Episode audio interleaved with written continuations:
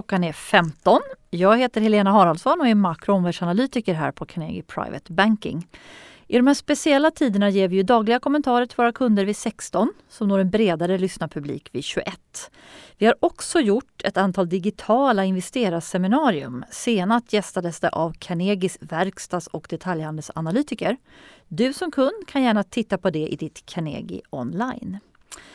Jag ska idag prata om marknadsläget. Börserna är upp idag också. Trots en rekordstark vecka förra veckan med 7-9 upp i USA och Sverige. Totalt är vi faktiskt upp 20-25% sedan botten i slutet på mars. Orsaken är lugnare virusspridning och ännu mer stimulanser. Men idag inleds också rapportsäsongen i USA. Sen ska jag också försöka mot slutet att blicka framåt och avsluta med några råd kring hur ska man agera. Men läget nu, det är en lugnare global virusspridning. Det ser vi i den statistik vi har. Men det är också så att borgmästaren i New York säger att det värsta nog kan vara bakom dem. Intressant för börsen är ju nedstängningen av olika ekonomier till följd av corona. Här ser vi faktiskt några länder som förlänger nedstängningar, till exempel Frankrike och Indien. Medan vi ser andra länder som öppnar upp lite grann. Det är till exempel Italien och Österrike där det är lite mer öppna butiker. Och i Spanien då att man kan återgå när det gäller bygg och tillverkningsindustri. Eh, lugnare virus och mer öppnande av ekonomier som börjar planeras. Det är positivt för börser och aktieinvesterare. Men börsen har också fått stöd av nya stimulansåtgärder.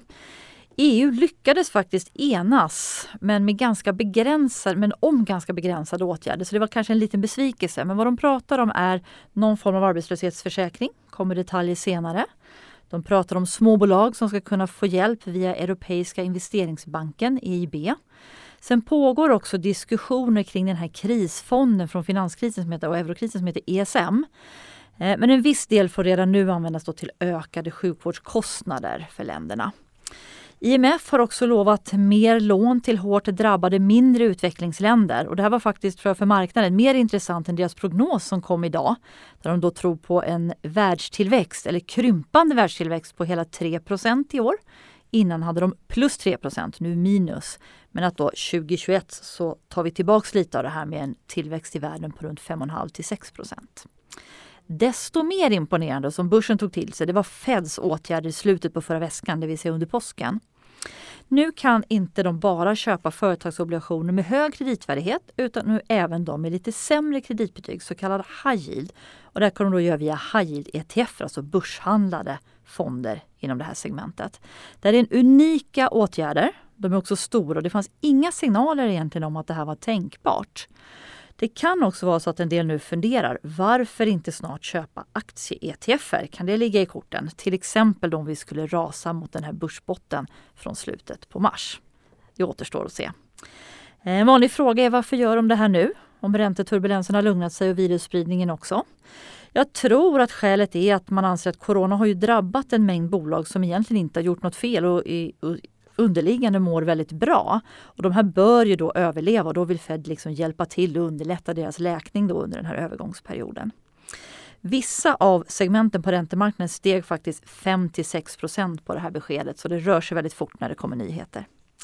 Om vi blickar lite framåt då så är det tydligt att riskläget har blivit mindre. Vi har pratat om det här lugnare på, lugnet på virusfronten och öppnandet av ekonomier och de här med fler och större stimulanser. Vi kan också lägga till tycker jag att, att OPEX plus nådde en oljeuppgörelse där de med Saudi, Ryssland och USA i spetsen ska minska produktionen med ungefär 10 fat per dag, eller 10 miljoner fat per dag. Men efterfrågan är ju dock ner då 25 till 30 miljoner fat per dag. Eh, Carnegies oljeteam som sitter i Oslo eh, de ser ju fortfarande att utbudet av olja är större än efterfrågan. Men bedömer ändå att den här överenskommelsen nu med produktionsminskningar ändå kan motverka en krasch i oljepriset eftersom det fortfarande då finns möjlighet att lagra olja. Eh, och sen då att det här överenskommelsen faktiskt lägger ett golv på oljepriset, kanske runt 25 dollar per fat. Idag är det runt 31. Positivt, eller till listan av positiva saker tycker jag också man kan lägga att kinesisk data faktiskt är okej. Okay. Sen får vi se de kommande månaderna om de drabbas av den här svagare globala aktiviteten. Eh, jag tror också många tycker det är kul att bolag, techbolag då, eller logistikföretag som Amazon, de faktiskt anställer hela tiden. Och aktiekursen är nu nästan bara 1% från all time high. Man ska dock komma ihåg det finns inga läkemedel eller vaccin än. Det gör ju att öppnandet av ekonomierna förmodligen kommer ske ganska långsamt. Man ska också komma ihåg att många bolag har minskat utdelningarna eller inte gör det.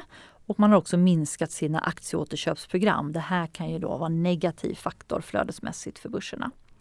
Men som jag sa, rapportsäsongen i USA startar idag. Eh, vi får se hur mycket ledning vi får. Bolagen ser inte så mycket mer än, än vi andra experter. Men det finns en stor oro för till exempel resebransch, restauranger och detaljhandel. Jag tror att man är lite lugnare kring teknologisektorn men också kanske kring bygg. Och så får vi se hur tillverkningsindustrin mår och kan ge för signaler. Jag tycker det finns en risk från ett mer helikopterperspektiv för sämre marginaler då kostnaderna i samband med corona kan öka och vi vet hur volymerna efterfrågemässigt nu mattas. Då brukar marginalerna kunna bli sämre. Vi har sett banker, eh, dels i USA idag då, som gör större reserveringar för kreditförluster eftersom vi är i en djup recession. Hoppas den blir kortvarig. Det var precis vad Swedbank signalerade och varnade för häromveckan i Sverige. Då.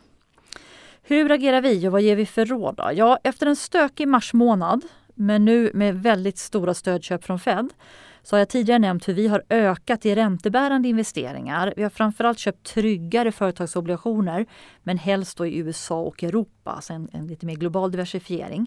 Vi tycker det är väldigt spännande att det äntligen då efter stöket finns intressanta ränteplaceringar. Det var ju länge sedan.